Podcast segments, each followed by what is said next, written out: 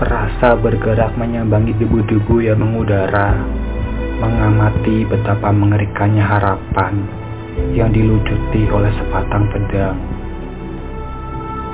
Melihat menjadi saksi, beribu biji cahaya bergerak bebas dalam ruang tak berakal, berterbangan saling menyinggol hingga salah satunya terjatuh. Aku duduk di sini bersama kepengan memori milik orang-orang telanjang. Memori-memori tergeletak berserakan di jamah hewan ganas pemakan bumi. Tak ada yang memiliki, tak ada yang sudi untuk menerjemahkan. Aku pikir awalnya masih ada kehidupan Benda-benda yang melayang itu bernyawa, tangisannya menembus hingga ke hatiku, membuatku telanjang di depan badai para setan, berharap jantung ini kembali berdetak, melanjutkan mimpi yang sedang tertidur lelap.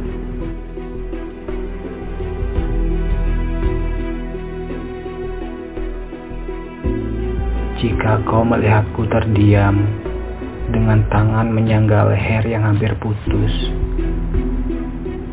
Artinya, aku sedang terluka. Dan jika kau melihat mata ini membaca, disertai bius sihir yang menembus dimensi terdalam, artinya aku sedang berharap.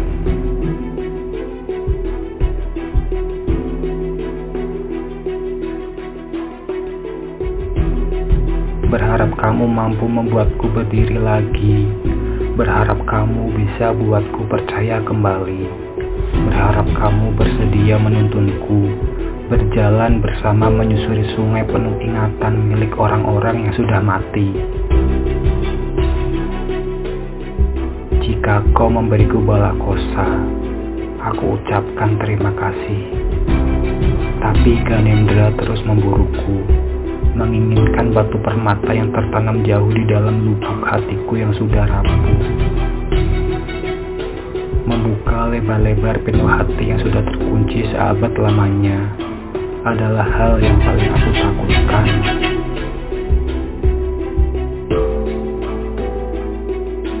Bukannya apa-apa, aku hanya melihat hati ini dipenuhi oleh karat, disinggahi oleh jutaan rayap.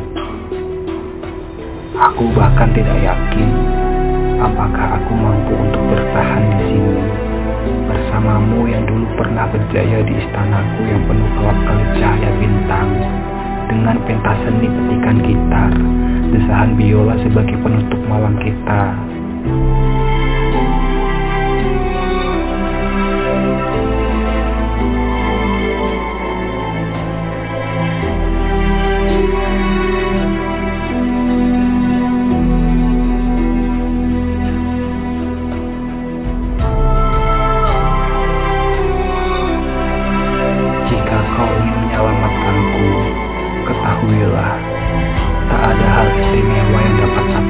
Untukmu, kecuali satu, ketulusan.